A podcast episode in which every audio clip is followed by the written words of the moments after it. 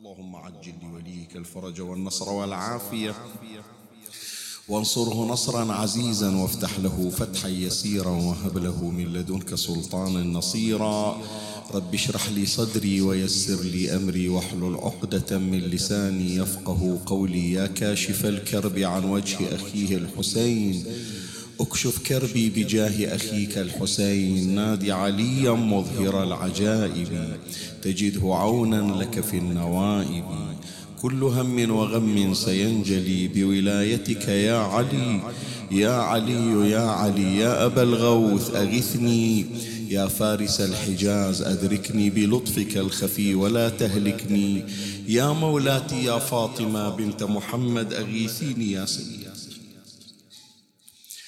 صلى الله عليك يا سيدي ويا مولاي يا رسول الله. صلى الله عليك وعلى آلك الطاهرين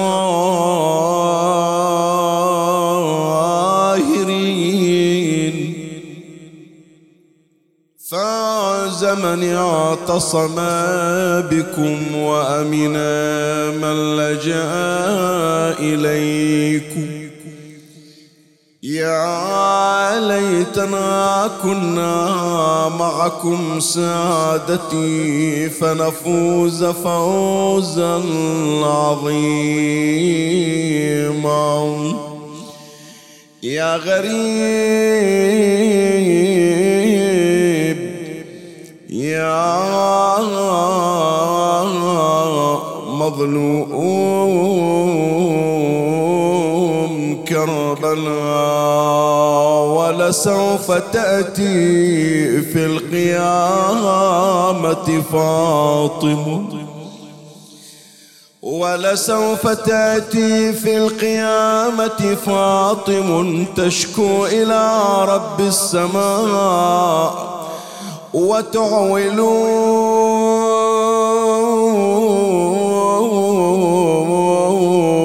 ولا ترفعن جنينها وحنينها إيه بشكاية منها السماء تتزايا.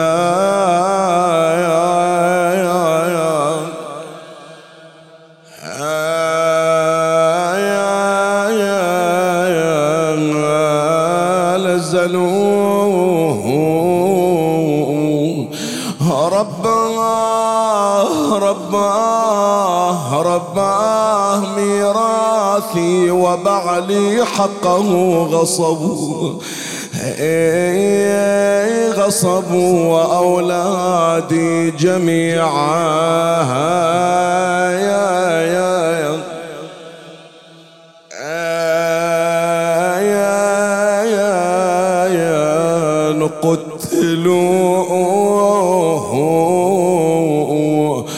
فرخاي ذاب السم أمسى قلبه قطعا إيه وهذا بالدماء مزايا يا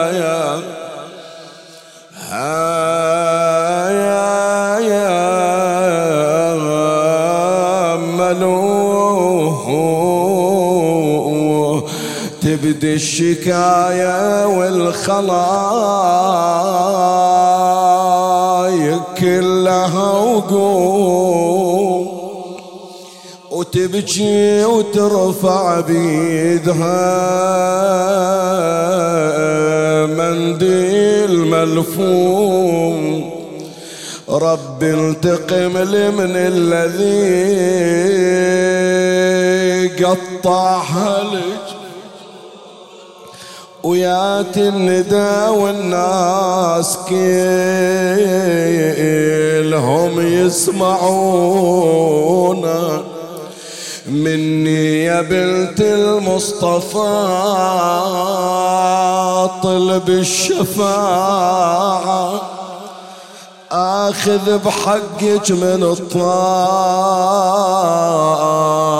ومن أتباع فاطمة ومن الذي للدار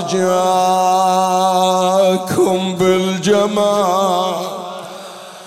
وهذا العزيز إن كان قاصدك تنظرين. ولي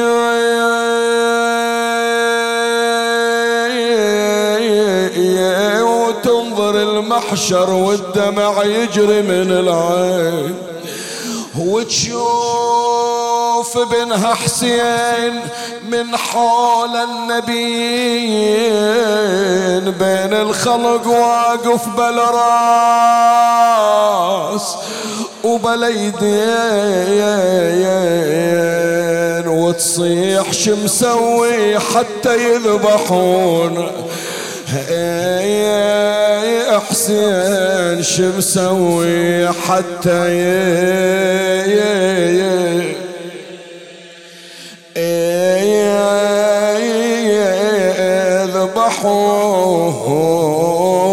يذبحون قرب خط الحزن منه اللي قرابة قرابة وكل ميت يحضرونه.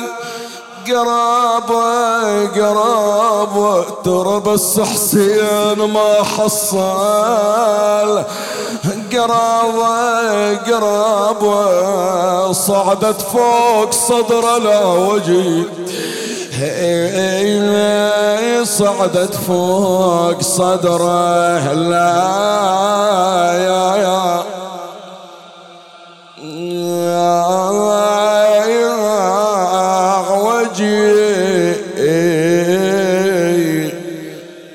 إنا لله وإنا إليه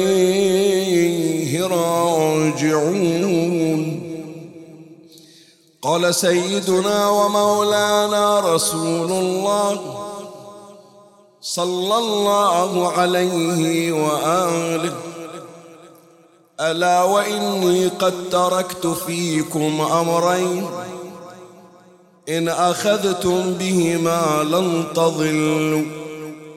كتاب الله وعترتي أهل بيتي. فإنه قد نبأني اللطيف الخبير انهما لن يفترقا حتى يردا علي الحوض. لذكر مولاتنا الزهراء عليها السلام هدية لروحها الطاهرة وبنية قضاء الحوائج وشفاء المرضى ثلاثا بأعلى الأصوات الصلوات.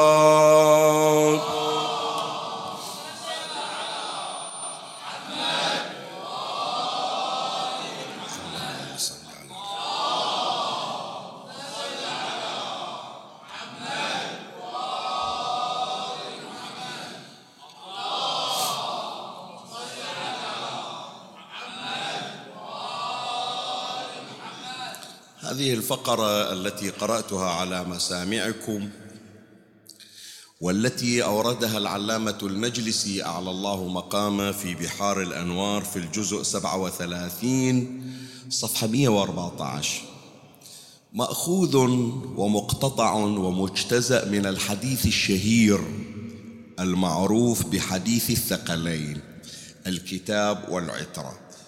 وهو حديث شاع وذاع وانتشر بين المسلمين على اختلاف فرقهم وعلى اختلاف مذاهبهم فهو ليس بالحديث الغريب. من هذا الحديث يهمني هذا المقطع الذي أريد أن أسلط الضوء عليه وأجعله انطلاقة لبحثي في هذه الليلة. رسول الله صلى الله عليه وآله يقول فإنه قد نبأني اللطيف الخبير أنهما لن يفترقا. يعني الكتاب والعترة الثقل الأول والثقل الثاني. القرآن وعترة النبي صلى الله عليه وآله. لن يفترقا حتى يرد علي الحوض. إحنا راح نوقف عند هذا الشق إلنا غرض فيه. لن يفترقا حتى يرد علي الحوض. طبعا سيدة العترة من هي؟ صديقة النساء فاطمة عليها السلام. فمن مفادات هذا الحديث أو هذا المقطع أن مولاتنا الزهراء مع القرآن والقرآن مع فاطمة وقد تعهد اللطيف الخبير بأن فاطمة لن تفترق عن القرآن والقرآن لن يفترق عن فاطمة حتى في يوم القيامة. يعني أول خروج للصديقة الزهراء عليها السلام وأول ما تكحل عينك برؤيتها صلوات الله عليها حينما تأتي على ناقتها وحينما تلتقطك أيها المحب للزهراء عليه السلام. كما حدث كما حدث الإمام الباقر عليه السلام فتلتقط شيعتها كما يلتقط الطير الحب الجيد من الحب الردي ساعة مجيء الزهراء عليه السلام على ناقتها ساعة التقاطها لشيعتها ومحبيها ساعة إدخالهم إلى الجنة ساعة خطابها لرب العالمين. سوف نرى الزهراء عليها السلام في المحشر والقرآن معها. لن تفترق عن القرآن ولن يفترق القرآن عنها. هذا واقعا يقودنا إلى بحث هذه الليلة. الحلقة ما قبل الأخيرة من سلسلة فاطمة والقرآن. إحنا الليلة التاسعة معكم يا أحبتي. ونحن على مائدة الصديقة الزهراء عليه السلام وعلى سفرتها المباركة. تسع ليالي قضيناها في محبة الصديقة. أسأل من الله تبارك وتعالى أن ينفعنا بحبها في حياتنا وفي مماتنا وفي حشرنا ونشرنا. وأن نرى أثر هذه المودة وهذه المحبة. بحث هذه الليلة بعنوان السيدة فاطمة الزهراء عليها السلام والقرآن في يوم القيامة. غير إحنا بدينا بهذا المقطع لن يفترقا حتى يردا علي الحوض. فإحنا راح نشوف يوم القيامة القرآن جاي ويا الزهراء. صلوات الله عليها. وراح نشوف مشاهد للقرآن ومشاهد للزهراء عليها السلام. هذه المشاهد متماثلة. يعني اللي يسويه القرآن راح تسويه فاطمة. واللي تسويه فاطمة راح يسويه القرآن. وهذا راح نشوفه في يوم القيامة إن شاء الله. من هنا بحثي في هذه الليلة بهذا العنوان السيدة فاطمة الزهراء عليها السلام والقرآن في يوم القيامة راح أذكر ثلاثة من المشاهد اللي راح نتوقف في يوم القيامة حتى نراها جامعة بين فاطمة والقرآن. هذا إن شاء الله راح أبين الليلة ذكر ثلاثة من المشاهد في يوم القيامة للقرآن وللصديقة الزهراء عليها السلام. ومن الله أستمد العون والتوفيق. ومن مولاي أبي الفضل العباس المدد. ومنكم ألتمس الدعاء. وثلاثا بأعلى الأصوات. صلوا على محمد وآل محمد اللهم صل على محمد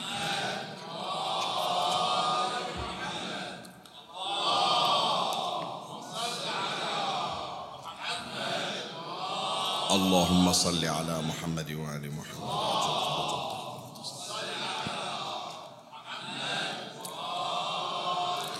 مولاي الكريم أنت حيثما كنت اسمعني وفرغ لي قلبك وأعرني سمعك وأقبل علي بكلك بحثي لهذه الليلة بعنوان السيدة فاطمة الزهراء عليها السلام والقرآن في يوم القيامة. وأخبرتك سلفا بأن البحث يحتوي على بيان ثلاثة من المشاهد تجمع بين القرآن والصديقة الزهراء عليها السلام. أما المشهد الأول السيدة الزهراء صلوات الله عليها والقرآن الكريم والنجاة في يوم القيامة. طبيعي يا إخواني يوم القيامة ذلك اليوم يوم مهول. القرآن الكريم ما جاب لنا وصف حقيقي إلى أهوال يوم القيامة والفزع في يوم القيامة. وإنما جاء بصور تقريبية حتى تبين لك حجم الخوف وحجم الهول وحجم الفزع. منها مثلا يوم تراها تذهل كل مرضعة أما أرضعت وتضع كل ذات حمل حملها وترى الناس سكارى وما هم بسكارى ولكن عذاب الله شديد. خو ماكو ذيك الساعة مرضعة وماكو ذيك الساعة حامل حبلى وإنما يقول بأنه عادة المرأة الحبلى أول ما تخاف تخاف على جنينها قبل خوفها على نفسها. والمرضعة تخاف على رضيعها قبل خوفها على نفسها. يوم القيامة الشيء التي يحرص عليه الإنسان وتحرص عليه المرأة تذهل عنه. لو عدها ولد ترضع تنساه. تفكر بنفسها. لو هي حبلى ما تفكر بحبلها تفكر بإنقاذ نفسها. فكل هذه الصور يا إخواني صور تقريبية تبين لك حجم الخوف. وبالتالي ما دام الإنسان خايف ومرعوب يدور على شنو؟ على النجاة شو اللي يخلصني من هذا الخوف. الواحد يا جماعة من يصير عنده حالة فزع الله يجرنا وإياكم. بسكن ساكن بفندق بغير فندق رايح إلى مثلا وزارة إلى مستشفى ذاك البعيد صار حريق. من يريد يشرد ينهزم يفر وين يدور؟ يدور المخرج. تمام لولا؟ يقولوا له هذا المخرج اللي يطلعك حتى ما تصيبك النار. من يصير مثلا قصف ذاك البعيد الله يفرج عن إخواننا في غزة في فلسطين. من يصير قصف مثلا أكو هناك ملاجئ شنو الغرض؟ تنجيه من القصف ومن القتل. فإحنا يا إخواني مدام مفزوعين وخايفين يوم القيامة غير ندور على من جاء. أكو هناك وسائل للنجاة. أبرز هذه الوسائل أمران القرآن الكريم والصديقة الزهراء فاطمة عليها السلام. اللهم صل على محمد وعلى محمد. خلي أبين لك شلون القرآن منجي في يوم القيامة وشلون الصديقة الزهراء عليها السلام منجية في يوم القيامة.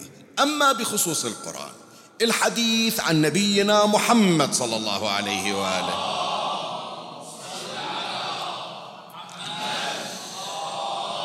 الحديث يرويه العلامة المجلسي على الله مقام في بحار الأنوار الجزء 89 صفحة 19 قال رسول الله صلى الله عليه وآله حملة القرآن هم المحفوفون برحمة الله.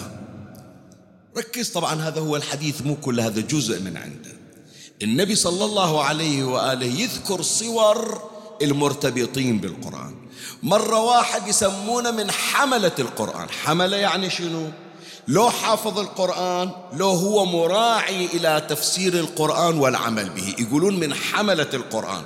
قال حملة القرآن هم المحفوفون برحمة الله الملبوسون نور الله عز وجل. يا حملة القرآن يحكوا يا أحبائنا اللي يقرون القرآن اللي أجادوا القرآن اللي أتقنوا القرآن اللي حفظوا القرآن. يا حملة القرآن تحببوا إلى الله بتوقير كتابه. يزدكم حبا ويحببكم إلى خلقه. يعني بقد ما أنت متعلق بالقرآن ما تترك القرآن مو تقول والله اليوم ما إلي خلق أقرأ. بقد حبك للقرآن تشوف الدنيا كلها مسخرة إلى حبك والتعلق بك. قال تحببوا إلى, القر... إلى الله بتوقير كتابه يزدكم حبا ويحببكم إلى خلقه. يدفع حط بالك يدفع عن مستمع القرآن شر الدنيا ويدفع عن تالي القرآن بل والآخرة. فإذا النبي صلى الله عليه وآله اتكلم عن ثلاثة أنواع. اتكلم عن حملة القرآن. قلنا من صور حملة القرآن واحد حافظ القرآن. واحد لا يمكن ما الله وفقه إلى أنه يحفظ القرآن. لكن دائما شايل القرآن وياه ولو بالموبايل ماله ولو بالآيباد ماله ما يمر يوم إلا يستمع القرآن. وما تمر ليلة ويحط راسه على المخدة إلا وهو يسمع القرآن. وإذا شاف آية هو يتلعثم بها يتلكأ بها حريص على أن يتقن قراءة القرآن. هذا يسمونه من حملة القرآن. هذا حريص أنه يقرأ تفاسير القرآن. حريص أنه وين ماكو مثلا ندوة محاضرة عالم من العلماء يتكلم عن أسرار القرآن يتعلم القرآن. هذا يسمونه من حملة القرآن. هذا حكى عنه النبي صلى الله عليه وآله. وقال بأنه في يوم القيامة راح يجي أولا آمن من الفزع محفوف برحمة الله. يكسوه نور ملبوس ثيابه من نور. ليش؟ لأنه من حملة القرآن. هذا نوع ذكر النبي صلى الله عليه وآله. النوع الثاني مستمع للقرآن. أنا لا الله وفقني إلى حفظ القرآن ولا أشوف أنه أنا متوفق كل يوم أقرأ لي جزء من القرآن أو صفحة.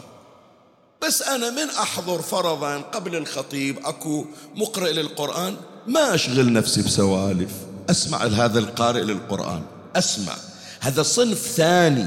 النبي صلى الله عليه وآله يقول هذا بركة استماع للقرآن. الله تبارك وتعالى يكفيه شرور الدنيا. زين. بعد أكو واحد آخر لا تالي للقرآن. يحب أنه كل يوم يتلو القرآن. هذا الله يجنب شر الدنيا؟ وبلوى الآخرة كما قال النبي صلى الله عليه وآله. من هنا يا أحبتي أكو ملاحظة مهمة. أنت جنابك كل يوم تصبح طريقك إلى العمل رايح إلى الجامعة صحيح لو لا؟ مصبح من الصبح قاعدين يجهزون لك الريوق الإفطار. شي يضرك؟ افتح الموبايل مالك شغل المذياع بالسيارة خلي على الام بي 3 خلي على اليوتيوب وخلي القرآن الكريم واسمع القرآن. زين من تسمع القرآن شي يقول لك النبي؟ يقول لك اليوم يمكن مسجل بدفترك. دفتر القضاء والقدر مال اليوم صفحة مالة اليوم. مسجل أنه هذا اليوم سوف ذاك البعيد. يتعرض السامع أو يتعرض هذا الشخص إلى حادث. بس النبي صلى الله عليه وآله يقول من الصبح هذا؟ شغل المذياع. سمع إلى القرآن. ما قرأ قرآن سمع قرآن. بركة الاستماع للقرآن الله تبارك وتعالى دفع عنه شر الدنيا. ولهذا مر أنت جنابك شوف إيش قد أكو مقاطع. حتما شايفين جنابكم. بعض من الحسابات بإنستغرام غير إنستغرام بالسوشيال ميديا عادة يجيبون مقاطع. شنو؟ شلون هناك حالات خروج من موت محقق؟ واحد واقف على الرصيف وإذا حادث سيارة وتجي السيارتين الصادمة والمصدومة بينها بينه وبين السيارات شعرة. والله أنقذه. صحيح لو لا؟ حتى أكو بعض المقاطع مجمعة. الآن مع صرف النظر ما أقول ذولا يمكن مسلمين مو مسلمين لا بس أنت من تتفرج وتصاب بالذهول وتقول الله الكافي الله يكفينا الشر. فكر قول شنو من عمل يعطيني مثل هالحالة؟ إذا يوم من الأيام صار حادث الله ينجيني من الحادث. كم مرة يا إخواني مرت علينا؟ أوه ما أكثرها. بالبحرين وغير البحرين. كان مقرر بأنه يصعد طائرة كان مقرر أنه يمشي برحلة. وحريص أنه يكون من ضمن الراكبين في تلك الطائرة. يصير شيء يمنع من الصعود. يصير شيء يمنع من الصعود. ويمكن يسوي عركة. سنة من السنوات عندنا بالبحرين تذكرون وقعت طائرة كان جاية من مصر وقعت يعني قريب المطار كان حادث مأساوي دامي في البحرين يعني. إلى الآن مسجل في تاريخ البحرين ما ناسينا. شهر ثمانية أذكر. زين من ضمن الحوادث جرت كثير من الحوادث في هذه القصة. إلى الآن هي مضرب مثل. زين واحدة من الحوادث أكو بعض الأشخاص كانوا بمصر المفترض بأنهم يكونون على الطائرة. يعني كان وقعت الطائرة بهم وفارقوا الحياة تأخروا عن موعد الطائرة بدقائق. وصلوا وإذا سادين باب الطائرة. ما يصعدون مسوين حركة. لا ولازم نرجع البحرين وباكر دوام وما يصير وكذا وهوسة وراح أكلم أبدا. راجع إلى البيت. راجع إلى البيت إحنا نقول بالبحراني يتحلطم يعني يتذمر ليش ما صعدت ليش ما صعدوني؟ إلا أشتكي إلا كذا. يوصل إلى الخبر بأن الطائرة التي أقلعت قبيل ساعتين ساعتين ونصف تعرضت إلى السقوط وجميع ركابها قد فارقوا الحياة. يعني لو راكب هو بالطائرة كان فارق الحياة. الله يرحم الشيخ الوائلي رحمة الله عليه أستاذنا. كان يقدم الرسالة رسالة الدكتوراه في مصر. والمفترض يصعد الطائرة وياه واحد أيضا عراقي. هم نفس القضية مرت عليه. وصل وإذا باب الطائرة أغلق. وقفة وكذا بعد الشيخ وقارة ما ما تعارك ويا الجماعة. قال لهم ما تسوون الإشارة قالوا لا ما يصير. زين رجع قال لله الأسرار. فعلا الطائرة اللي كان راح يصعد فيها الشيخ الوائلي وقعد بل قيل بأنها تعرضت إلى القصف لأنه كان أيام الثلاثة والسبعين حرب أكتوبر بين مصر وعبور خط برليف. لو صاعد بالطائرة صار. فيا إخواني من أقول هذه القضايا تمر فكر فيها. شو مسوي هذا؟ ش عنده من عمل؟ إلا صار سبب في نجاته. ما ندري. قد يكون صدقة قد يكون دعوة أم قد يكون عمل خير بس واحدة من الأسباب اللي يذكرها النبي صلى الله عليه وآله سمع آية من القرآن.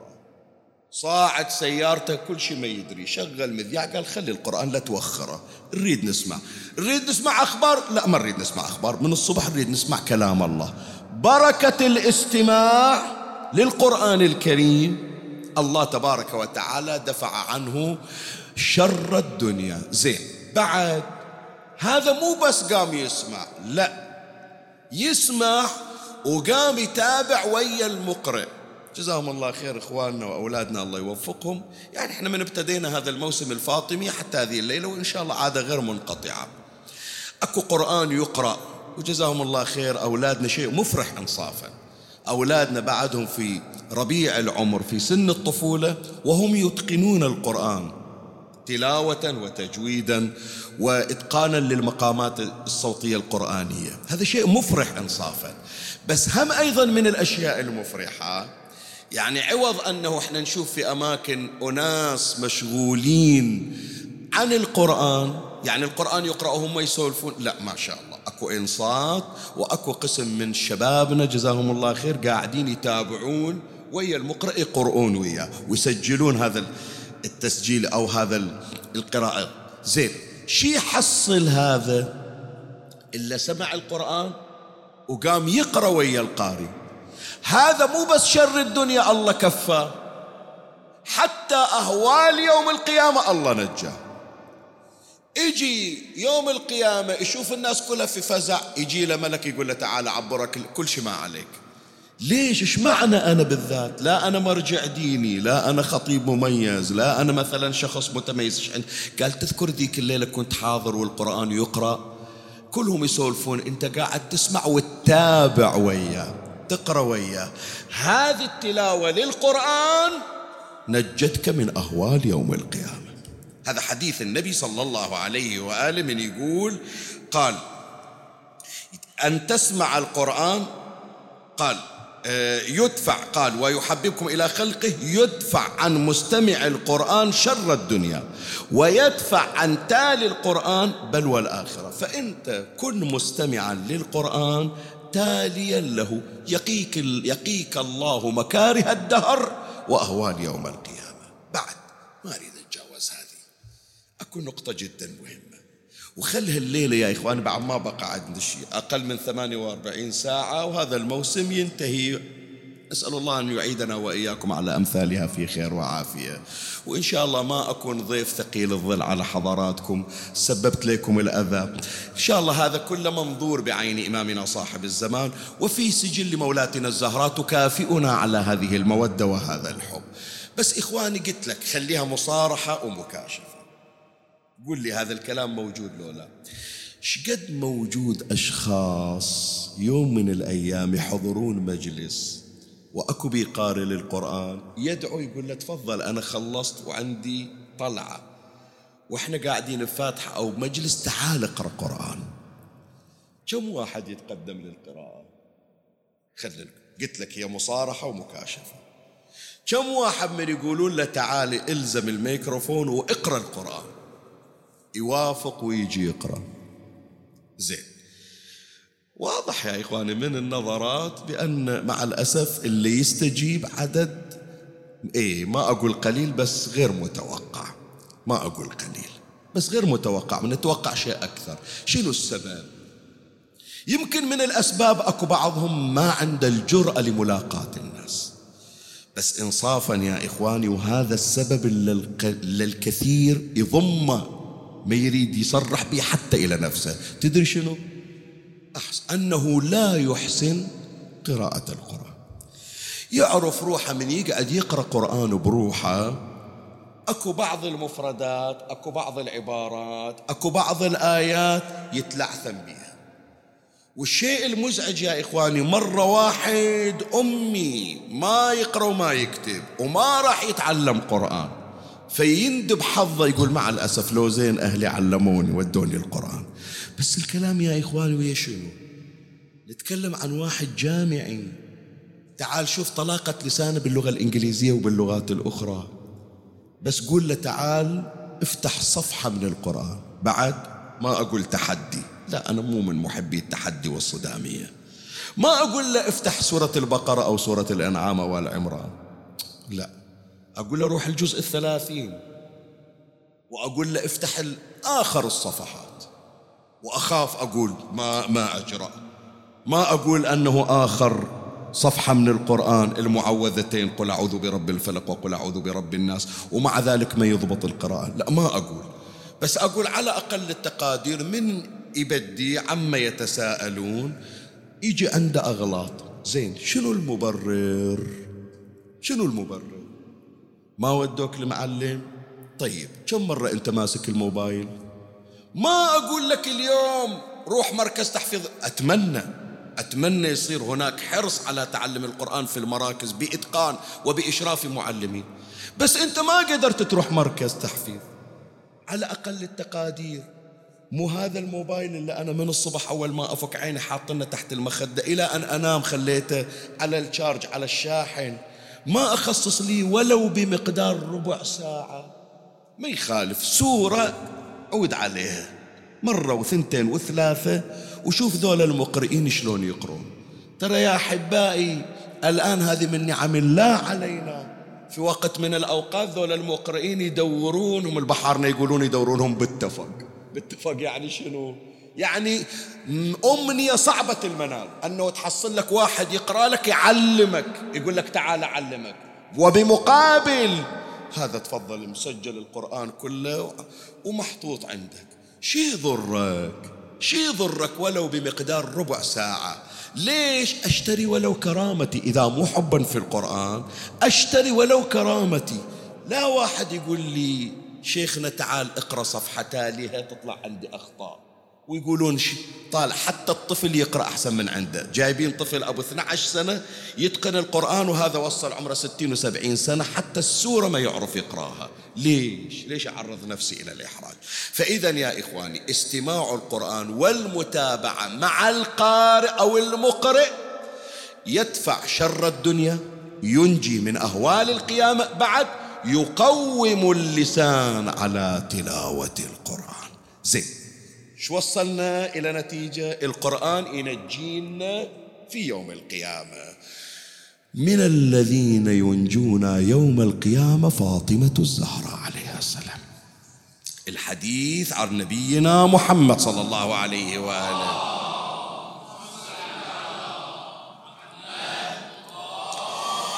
يرويها العلامة المجلسي على الله مقام في بحار الأنوار الجزء 27 صفحة 116 قال رسول الله صلى الله عليه وآله يا سلمان حب فاطمة ينفع في مئة موطن. أيسر تلك المواطن الموت والقبر والميزان والمحشر والصراط والمحاسبة.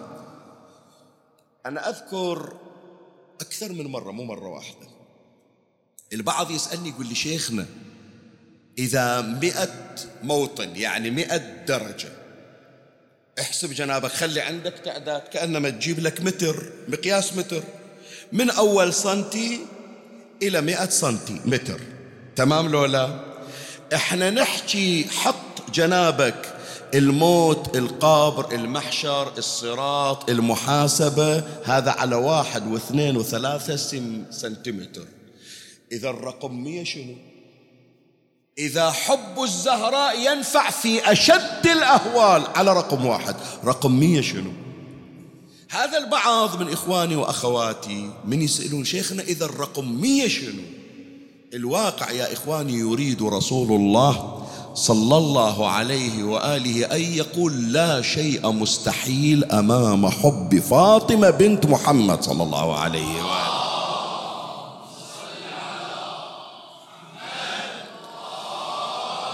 الشيء الذي أتصور بأنه أنا ما أقدر أوصل إليه. عبرت من على الصراط. عبرت من عند الميزان. تجاوزت المحاسبة. زين راح يطببوني الجنة. جابوني قالوا شيخنا انطينا الدفتر مالك شنو أعمالك؟ شافوا أعمالي. ها أنت الدرجة الثانية من الجنة. ليش أريد أروح فوق؟ لا هذا اللي عندك من رصيد. ما عندك رصيد كثير. فأنت مقامك الدرجة الثانية من الجنة. أشيل راسي لفوق أشوف ربعي. حتى ذول الأولاد الله يخليهم. تعبوا على روحهم صاروا أكثر استقامة من شيخ ياسين اللي يقرأ لهم.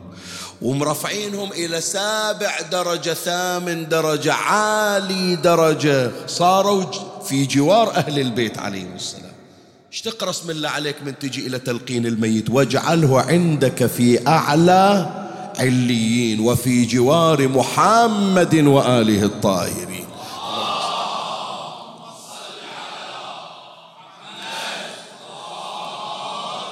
أقول شي وديني لفوق شي صعدني لفوق. ما عندي أعمال تصعدني. حب الزهراء عليها السلام نافع. هذه من المواطن المية أقول دخيلك مولاتي فاطمة. أنا أتقرب إلى الله بحبك نظرة من عندك. لا تباعديني عن أبو فاضل أريد أشوفه بالجنة. أنا بكربلاء ما يوم مر علي إلا وأزور العباس ولا فتحت عيني في كربلاء إلا عيني على قبة أبو فاضل. يوم طبيت الجنة باعدوني عنه. يا ريت تعبت على روحي حتى أصير في جوار العباس. حب فاطمة عليها السلام. نافع. لا تصاب حسرة ولهذا عندنا في الروايات يا إخواني. بأن أمير المؤمنين هي حطها عندك هي سريعة ما موجودة بالتحضير. بس إن شاء الله أوفق في مجالس أخرى وأتعرض إلها مع العلم أني أنا متعرض إلها. يرويها العلامة السيد هاشم التوبلاني على الله مقامه في معالم الزلفى كتاب جدا مهم ثلاثة أجزاء. يا ريت تحصلونه جدا كتاب قيم. الما يقدر يشتريه ينزله يحمله من على ال PDF من جوجل يحصله. معالم الزلفى للسيد هاشم البحراني التوبلاني أعلى الله مقامه. الجزء الثالث أتصور. أمير المؤمنين سلام الله عليه هو الذي ينزل المؤمنين في منازلهم في الجنة. انت لبالك بس مفاتيح الجنة عند قسيم الجنة والنار؟ لا. منو يوديني إلى قصري إلى مكاني؟ هو أمير المؤمنين. ولهذا أكو الروايات أنه بعد أن يفرغ علي من تسكين المؤمنين في منازلهم تالي يرجع إلى حبيبته فاطمة. وينك علي؟ قال شيعتنا وديتهم إلى مساكنهم إلى منازلهم. شوف إيش قد أهل البيت يحبوننا فيا أحبتي هذه من ضمن الأمور التي تزيدنا معرفة بأهل البيت. مولاتي فاطمة حبها ينجي في يوم القيامة. وأنا أتعجب قبل لا أتجاوز هذا المشهد. مشهد النجاة في يوم القيامة. البعض يجي يقول بسكم عاد مو كافي ولكم ما شبعتوا. عشر ليالي على الزهرة خو ليلة الشهادة وانتهت. مو تمام؟ شنو أنتم مكلبين اللي فاطمية وفاطمية وفاطمية؟ كم صار لكم؟ حتى عاشور ما قريتوا. على الحسين كثر ما قريتوا على فاطمة. من أول جمادة خلصتوا من مولد السيدة زينب ستة جمادة ولازمينها. وما راح تنتهون إلا شهر جمادة الثاني بشهادة الزهراء. لا وبعضهم قال راح نواصلها إلى شهادة أم البنين إذا ما راض يعني أكثر من شهر. شي غثك سؤال. شي غثك شي أذيك زين هذا اعتبر بأنه تقرب إلى الله باسم الزهراء عليها السلام. هذا هذا مصداق قول النبي حب فاطمة ينفع في مئة موت أنا شلون أبين وأترجم وأظهر هذا الحب؟ بهذا الجلوس. يا مولاتي يا فاطمة الدنيا كلها مستانسة بهذا الجو الآن. داخل الشتاء كل واحد وين راح تسهر؟ وين راح؟ كذا تروح؟ قال عندي مطعم واحد يقول عندي تخييم. لا أنا غير فاطمة ما عندي. أنا غير فاطمة ما عندي. ما أعرف حتى بعضهم يتصل شيخنا شو أسوي صار عندي ظرف بس ليلة إلا ما حضرت المجلس حاس أكو نقص بحياتي. الليلة مي فاطمية عندي. هذا تقرب إلى الله يا إخوة.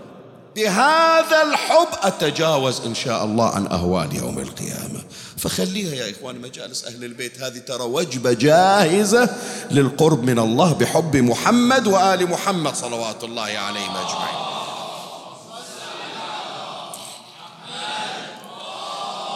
فإذا المشهد الأول من مشاهد يوم القيامة الذي يجمع بين الصديقة الزهراء عليها السلام وبين القرآن الكريم مشهد النجاة في يوم القيامة. وقلنا بأن القرآن منجي وفاطمة منجية من أهوال يوم القيامة. المشهد الثاني مشهد الشفاعة في يوم القيامة. القرآن يشفع وفاطمة تشفع. زين. والغريب الآن راح أقرأ لك بس أرجو من عندك التركيز. راح أقرأ لك الرواية الخاصة بشفاعة القرآن في يوم القيامة. وراح أقرأ لك بعدها الرواية الخاصة بشفاعة الصديقة الزهراء عليها السلام في يوم القيامة. سبحان الله لا تجد فرقا. فاطمة هي القرآن والقرآن هو فاطمة. زين نشوف الرواية التي تشير إلى أن القرآن الكريم شفيع في يوم القيامة. الرواية عن الإمام الباقر صلوات الله عليه يرويها العلامة المجلسي أعلى الله مقامه في بحار الأنوار الجزء السابع صفحة 320 خلي أقرأ لك الرواية. يقول الإمام الباقر الرواية طبعا طويلة يا ريت ترجعون المصدر ذكرته. أعيده من جديد. بحار الأنوار جزء سبعة صفحة 320 اقرأوا الرواية. الرواية تقريبا صفحة شلون القرآن من يجي؟ الله ما يجيب قرآن مثل ما تشوفه أوراق وجلدين لا. يخلي القرآن بصورة شخص. يشوفون أهل المحشر الأنبياء المرسلون الأوصياء الصديقون واحد يمشي متميز. يسألون شنو؟ يقولون هذا القرآن الله مثل بهالصورة هذه. فأنا ما أقدر أجيب لك الرواية كلها راح تستغرق المجلس كله. ماخذ مقدار الحاجة. الإمام الباقر عليه السلام يقول فيناديه تبارك وتعالى. يعني الله يحكي ويا القرآن. فيناديه تبارك وتعالى يا حجتي في الأرض وكلام الصادق الناطق. اسمع ارفع رأسك وسل تعطى واشفع تشفع إلا تريد. يا قرآن نعطيك. اختار منو تريد. من أهل الدنيا تشفع فيه نقبل شفاعتك. فهنيالهم اللي حفظوا القرآن وهنيالهم اللي قرأوا القرآن وهنيالهم اللي استمعوا للقرآن وهنيالهم اللي اشتاقوا للقرآن وهنيالهم اللي فتحوا عينهم على خط وسطر من القرآن. اشفع تشفع فيرفع رأسه القرآن فيرفع رأسه فيقول الله تبارك وتعالى كيف رأيت عبادي؟ تحتاج صفنة ترى الآن القرآن راح يسولف. راح يفرز أحباءه من اللي يبغضونه. فيقول القرآن فيقول يا ربي منهم من صانني وحافظ علي ولم يضيع شيئا. ومنهم من ضيعني واستخف بحقي وكذب وأنا حجتك على جميع خلقك. يقول أكو بعضهم لا والله ما يمر يوم إلا ويقرأني. وأكو بعضهم ما يدري يجيبون له مصاحف هدايا يقول أوه تغربلنا انترس البيت قرائي. أخذهم كلهم كودهم بكارتون وسدوا خلى عليه شريط لاصق ما يدري عنه. القرآن يجي يوم القيامة راح نكمل حديثنا. القرآن راح يجي يشتكي يوم القيامة راح نتعرض إلى هذا. بس الآن القرآن ده يحكي يوم القيامة. يقول يا ربي ما أنسى هذا جميلة. دائما معتز بي كل يوم يقرأني كل يوم يتعلم تلاوة جديدة. صار القرآن يح... صار صار صار كلام الله محبب إلى النفوس والأسماع بهذه الأصوات اللي يعبرون عنها أنها مزامير داود. قال يا رب منهم من صانني وحافظ علي ولم يضيع شيئا ومنهم من ضيعني واستخف بحقي وكذب وأنا حجتك على جميع خلقك. يعني يقول له يا ربي خذ حقي. إذا أنا حجتك على خلقك أنت جبتني حجة عليهم لازم تأخذ بحقي في هذا اليوم. فيقول الله تبارك وتعالى وعزتي وجلالي وارتفاع مكاني لأثيبن عليك اليوم أحسن الثواب ولأعاقبن عليك اليوم أليم العقاب. إلا راعاك في الدنيا اليوم أكرمك قدام الناس. واللي احتقرك ومهانك وما دار باله عليك. هذا بهم اليوم راح أخجله قدام الناس. حتى أقول للناس هذا ممن أهان القرآن. ولم يراعيه. فإذا شاهدنا وين؟ يجيه الخطاب من الله عز وجل إلى القرآن سل تعطى واشفع تشفع. سبحان الله نفس العبارة تعطى للصديقة الزهراء عليها السلام. القرآن شفيع يوم القيامة وتجي الشفيعة يوم القيامة من هي فاطمة بنت محمد صلى الله عليه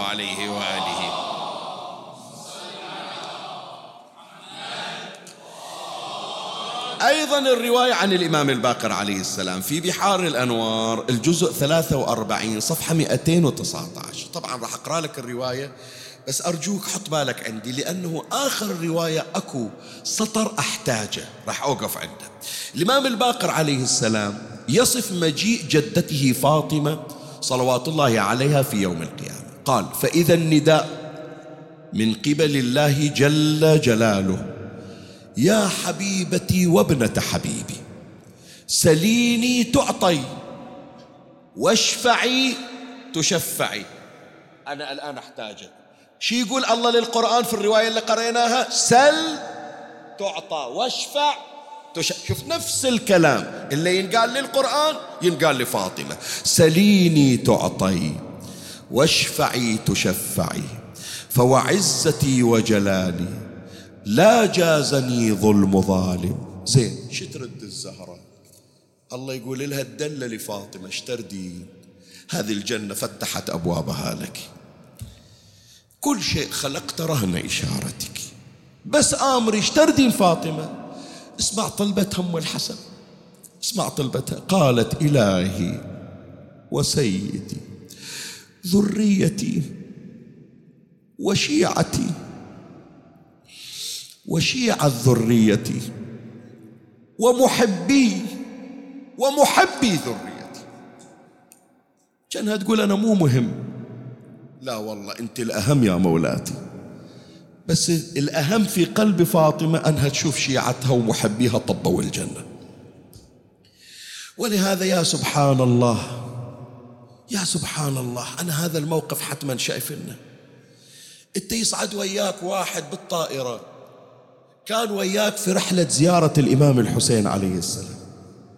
صاير وياك شهر بكربلاء بالنجف بالكاظمية من تصعد الباص بالطائرة تمام لولا لكن من توصل للمطار أجي إلى عند السير عند القايش من تاخذ الشنط تقول له سامحني بودي أوقف وياك بس أهلي إجوا وينتظروني ما أريد أعطلهم. محتاج شيء في أمان الله. يتوادع وياه ويمشي. صحيح لو لا؟ مر علينا لو ما مر علينا. هذا واقف جنطته بعد ما وصلت.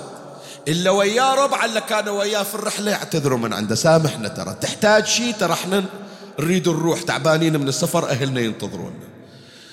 ولاة الزهرة تجي بالمحشر تعبانة من هم الدنيا. فاطمة الجنة مفتحة أبوابها إلك روح ارتاحي. قالت ما أرتاح. وين الأم ترتاح؟ ولدها ما شافته قدامها. فلهذا تقول لا أدخل الجنة حتى تدخل شيعتي. الله يناديها فاطمة انظري في المحشر. فمن وجدتيه من محبيك فخذي بحجزته وأد. فاطمة تقول ف... الإمام الباقر يقول فتلتقط فاطمة وياها الملائكة تقول أنا اللي أروح أدور. زين هو هذا الشاهد اللي أريد أوقف عنده؟ لا هذا أحضرك إلى الشاهد. والشاهد هذا إن شاء الله يقتطع. يجتزى ويصير في مقطع خاص وينتشر خصوصا إلى أحبائنا في مصر في جمهورية مصر العربية وفي البلدان العربية. من أهل السنة من إخواننا الأشقاء من أهل السنة. شوف حديث الإمام الباقر عليه السلام يقول إلهي كلام الزهراء إلهي وسيدي ذريتي وشيعتي وشيعة ذريتي ومحبي اسمع ومحبي ذريتي. هذول ما أطب الجنة إلا أول أخذهم وياه. يعني منو؟ يعني هذا المصري اللي متعلق بمقام السيدة زينب عليها السلام. منو من عندكم يا القاعدين رايح إلى مصر؟ أريد أستعين بشهادته. إلا راح إلى مصر وإجا إلى مقام السيدة زينب عليها السلام في القاهرة. وراح إلى مقام الإمام الحسين عليه السلام. وشاف من يجون عن ضريح الحوراء زينب. وكلمة كلمة عندهم. يسمعونا يمكن ويانا عبر البث الآن. أو يوصل لهم التسجيل فيما بعد. أكو كلمة مي موجودة عندنا إحنا الشيعة. إحنا الشيعة ما نتعاطاها ما موجودة عندنا بس عند أهل مصر. يسمون الحوراء زينب أم العواجز. مار عليك لو لا؟ أم العواجز. أول ما يدخل أنا من كنت هناك بالقاهرة أكثر من زيارة. من أشوفه يصرخ أو تجي هي وتصيح. يا أم العواجز يا أخت الحسين جايتنك شنو أم العواجز؟ أنا كنت أتصور أم العواجز يعني يا أم المعاجز. قلبوها من معاجز إلى عواجز. لا مو هذا. هم عندهم عقيدتهم هكذا يعتقدون. أن الحوراء زينب عليها السلام يوم إجت إلى مصر. أكو بعض من المزمنين. مزمنين يعني شنو؟ يعني ذوي الإعاقات. لو ما يقدر يقوم لو مشلول لو عنده مرض. سمع الناس كلها طالعة. وين رايحين؟ قالوا أخت الحسين جاية بنت الزهرة جاية. مشرفة مصر بجيتها وطبتها. وإحنا رايحين نسلم عليها حتى تشفع لنا يوم القيامة. أجدها النبي وأبوها علي وأمها فاطمة وأخوها الحسين. فذولا خطية المقعدين المزمنين اللي يسمونهم العواجز. عواجز من العجز يعني عاجز ما يقدر يتحرك. قالوا سلموا على مولاتي يقولوا نتمنى نوصل إلها لكن المرض عاقنا فمن إجوا أهلهم قالوا أكو عواجز تمنوا يجون لكن ما قدروا يتحركون. أهل مصر يقولون خرجت مولاتي زينب. وراحت تمر على العواجز تسلم عليهم وتدعو لهم. فشفي العواجز ببركة زينب بنت أمير المؤمنين. سلام الله عليه.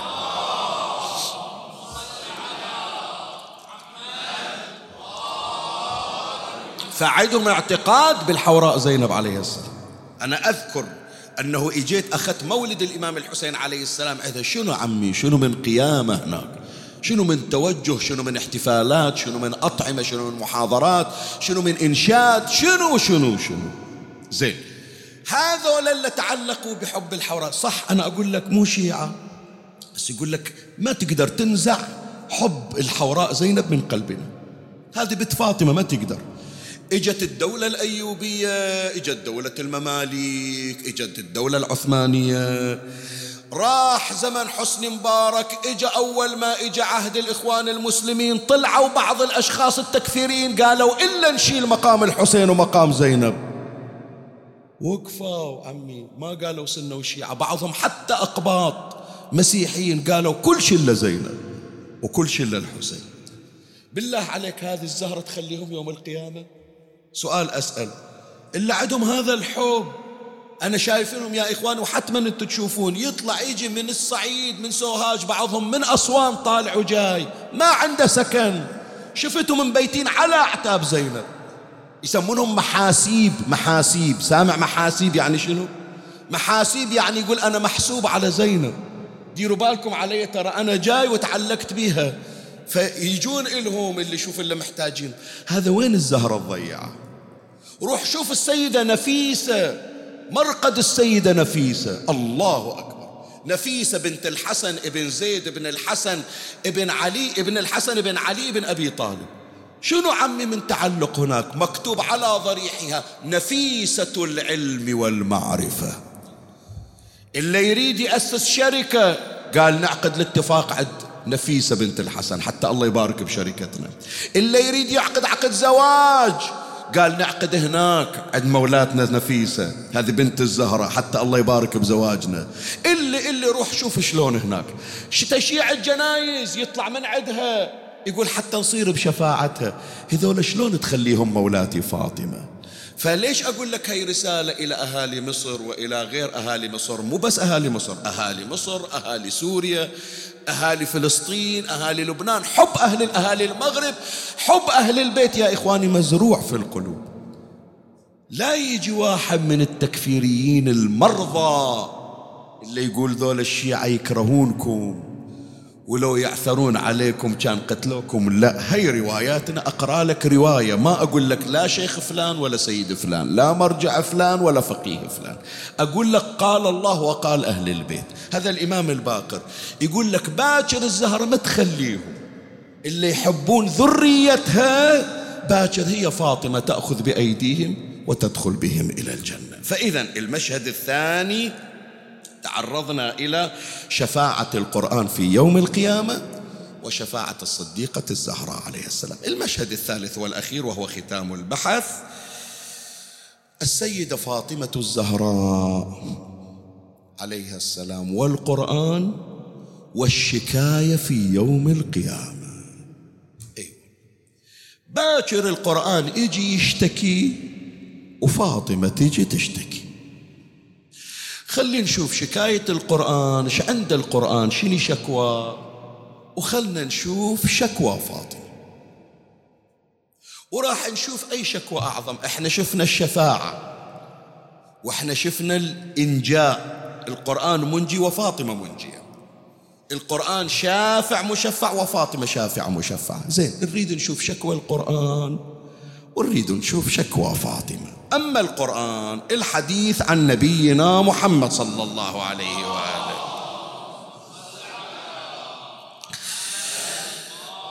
الحديث في بحار الأنوار الجزء 89 صفحة 49 قال رسول الله صلى الله عليه وآله يجيء يوم القيامة ثلاثة يشكون المصحف والمسجد والعترة. القرآن يجي والمسجد يجي وعترة النبي تجي. زين خلنا نشوف القرآن شي يقول والمسجد شي يقول والعترة شو تقول. النبي يقول يقول المصحف يا رب حرفوني ومزقوني. شوف تمزيق قديم وتمزيق حديث. سبحان الله. إيه.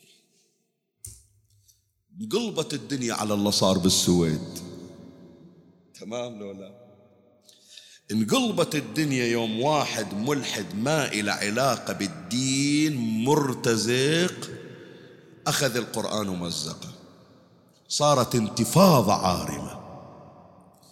زين مجموعة من خلفاء بني أمية مزقوا القرآن. مو عندنا الوليد بن عبد الملك يقول تهددني بجبار عنيد فها أنا ذا جبار عنيد. إذا لاقيت ربك يوم حشر فقل يا رب مزقني الوليد. لازم الوليد بن عبد الملك يروح يسكن في السويد حتى الناس تنتقده وتحكي عليه. لو لا يكون الدارون حتى ما ينفتح الباب. واللي وقفوا قالوا له بأنه في الدار القرآن قال وين شنو الفرق يعني؟ شنو الفرق؟ سؤال أسأل. شنو الفرق؟ ليش الباء هناك جرت هناك عطلت ما جرت أه؟ هذا يشتكي القرآن على الذين مزقوه سواء بسنة 2023 أو حتى بأول شهادة رسول الله تاريخ حرق القرآن وتمزيق القرآن يجي القرآن يسردها يوم القيامة ويشتكي. قال يجيء يوم القيامة ثلاثة يشكون المصحف والمسجد والعترة. يقول المصحف يا ربي حرفوني ومزقوني. ويقول المسجد يا ربي عطلوني وضيعوني. وتقول العترة أهل البيت يجون وتقول العترة يا ربي قتلونا. وطردونا وشردونا. بالمناسبة يا إخواني الليلة ذكر واحد من العترة طريد وشريد. القاسم بن الإمام موسى بن جعفر الكاظم شقيق الإمام الرضا لأبيه وأمه. هذا أتمنى كان عندي فرصة يعني لولا أنه أنا ملزم بالليالي الفاطمية كان هذه الليلة أنا أقرأ لك مقامات القاسم بن الإمام الكاظم. إلا هو باب من أبواب الحوائج ومجرب في الحوائج المتعصبة. مجرب للذرية مجرب للرزق مجرب لدفع الوباء والبلاء مجرب للأمراض الخطيرة. هذا أحكي لك الكلام مو حكي الألسن لا لا. العلماء المحققون السيد الجلالي وغير السيد الجلالي. العلماء المجتهدون المحققون من الصين عندهم حاجة وهم بالنجف يطلعون يروحون إلى مدينة القاسم يتوسلون بالقاسم ابن الإمام الكاظم عليه السلام. هذا واحد من الذين شردوا تاليها يخفي نسب بنت ما تعرف منو أبوها ومنو جدها إلا ساعة وفاته هذا يأتي يوم القيامة القاسم يوم القيامة يأتي ويشتكي. فإذا واحد من الذين يشتكون يوم القيامة القرآن. إيش عنده؟ ثنتين كلمتين. حرفوني مزقوني. هذه شكوى القرآن. تعال لشكوى فاطمة. باكر توقف تقول لي القرآن مو بس أنت. أنت شافع وأنا شافعة أنت تسأل فتعطى تسأل فتعطى وأنا أسأل فأعطى. أنت تنجي وأنا أنجي. لكن شكواك يا قرآن مو مثل شكواي. خلي أراويك شكواي شنو هي. أول شكاية فاطمة تقدمها الحديث عن الإمام الصادق عليه السلام.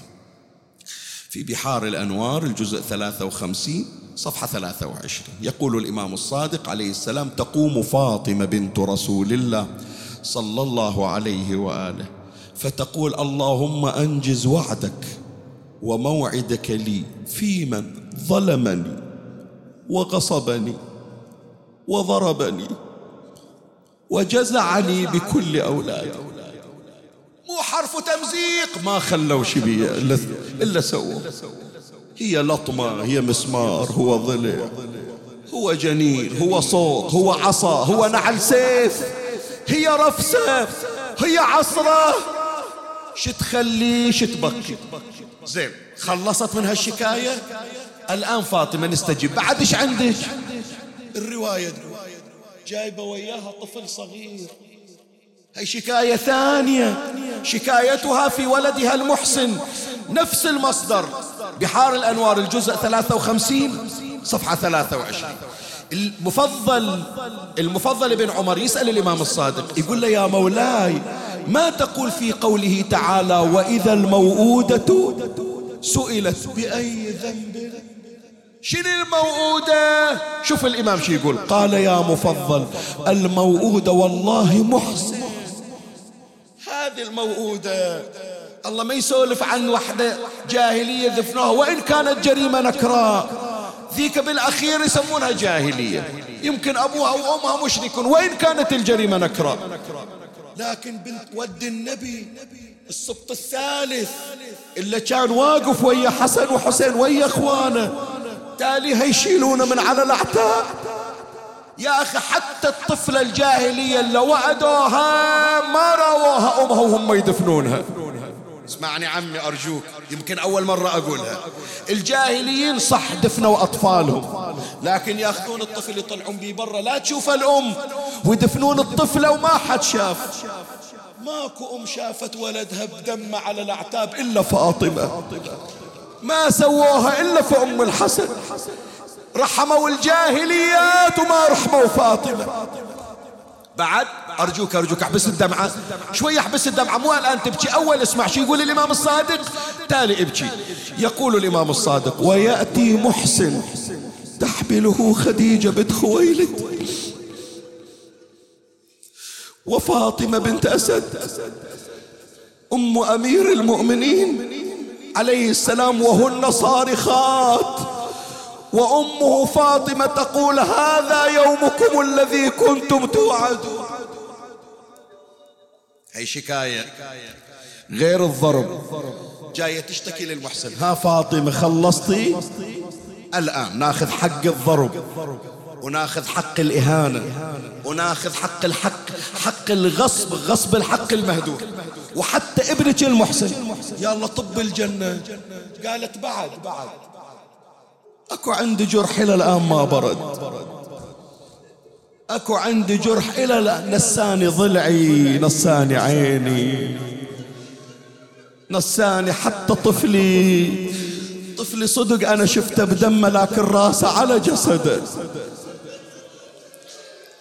ولدي الكبير صدق 17 قطعة من كبده طاحت بالطشت لكن راسه على جسده.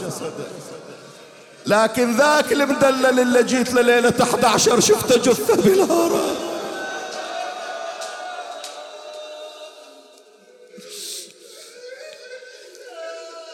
إيه خليك على دمعتك على دمعتك. على الدمعة لا تفتر. راح أقراها لك هي قوريزي بعد. إذا كان يوم القيامة جاءت فاطمة في لمة من نسائها. فيقال لها ادخل الجنة. فتقول لا أدخل حتى أعلم ما صنع بولدي.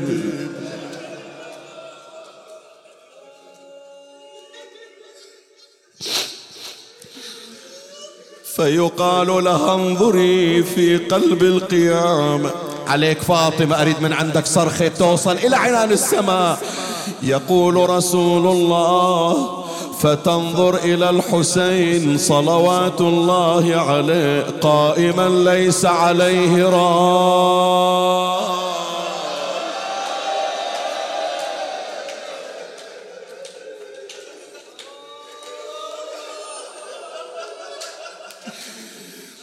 النبي يقول فتصرخ صرخة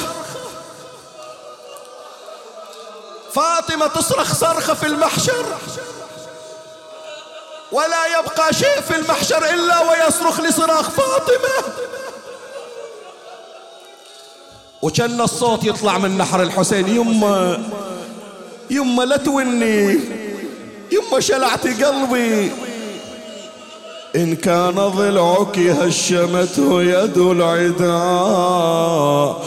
أنا الذي في كربلاء سحقوني.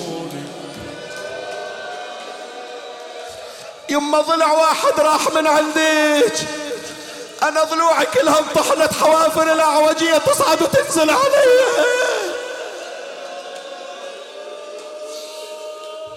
حسين وين رأسك أبو علي؟ وين راسك اريد ابوسك على خدك؟ وين راسك؟ يحكي وياها. يا يما خاف أسولف لك ومنك ترتفع ون يما عزيزك مات يم الفرات قطرة ما شرب منه. يما بدال الماي بدال الماي دم نحري صار الشيبة يحن يما قلت لهم اسقوني ماي ولا واحد اجلي حضر قلبك البيت قاسي. خاف الصدمة تجي على قلبك تأذي. قلت لهم اسقوني ماي عطشان انقصف عمري. اجاني واحد بسيفه.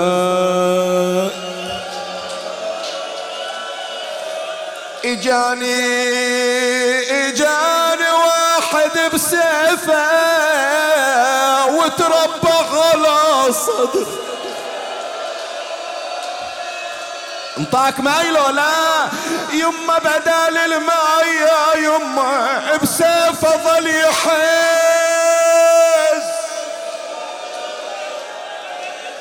وحزا ورقبتي يما وخواتي حايطة بي.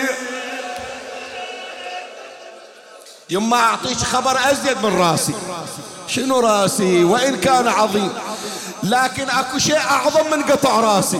شنو بعد ابو علي؟ يا يما واعظم مصيبة سمعت زينب تحاكيلي يا ابو السجاد محتارة بالبر لا تخليني سامحني سامحني. يما رد ليها الشمر بالصوت. إيش سوى؟ يضربها نصب عيني. يا يما ليتك تشوفين زينب مشت مسبي. خلاص عمي خلصت الليالي الفاطمية. الدمعة الدمعة الدمعة. الدمعة والونة هي شعارنا وهي رصيدنا عند الله وعند أهل البيت. ما قارنها من أول الموسم إلى الآن بس أريدك أنت تجاوبني. مرت زينب على الناقة وإذا حسين مقلوب على وجهه. يا ابن أم عتربان افتكرني.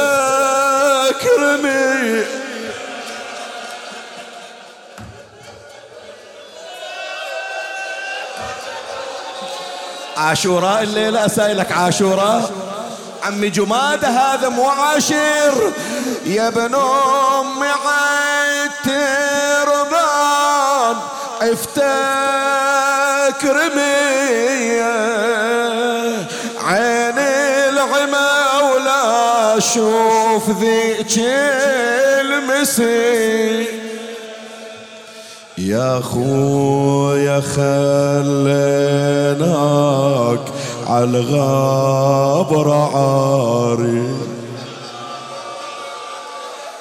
مغسل بفيض دماك والجيف انذاري روحي بقيت وياك والجيد مساري لكن فراقك صار غصب عليك؟ البيت هذا خلاص أقراه وأنزل ما أذيك زيادة بعد. يا خويا أدري الخيل هشمت صدره دخيلك يا مولاتي يا فاطمة. وبإيدي عتربان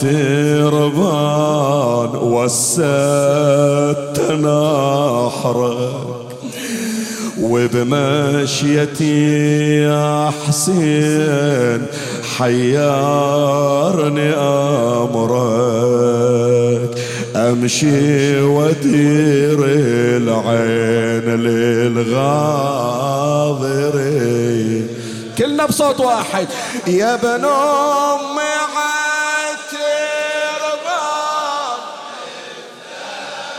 عافية عافية هكذا هكذا النياحة. عيدة وياه يا ابن أمي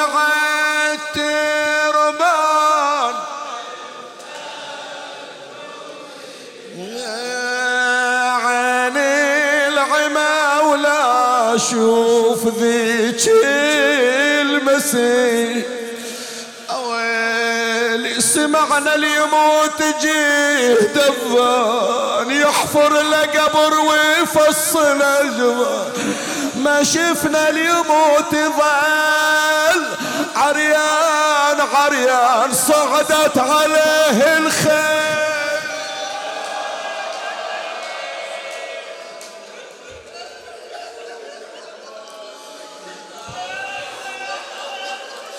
عار اللباس قطيع الراس منخمد الانفاس اللهم صل على محمد وآل محمد.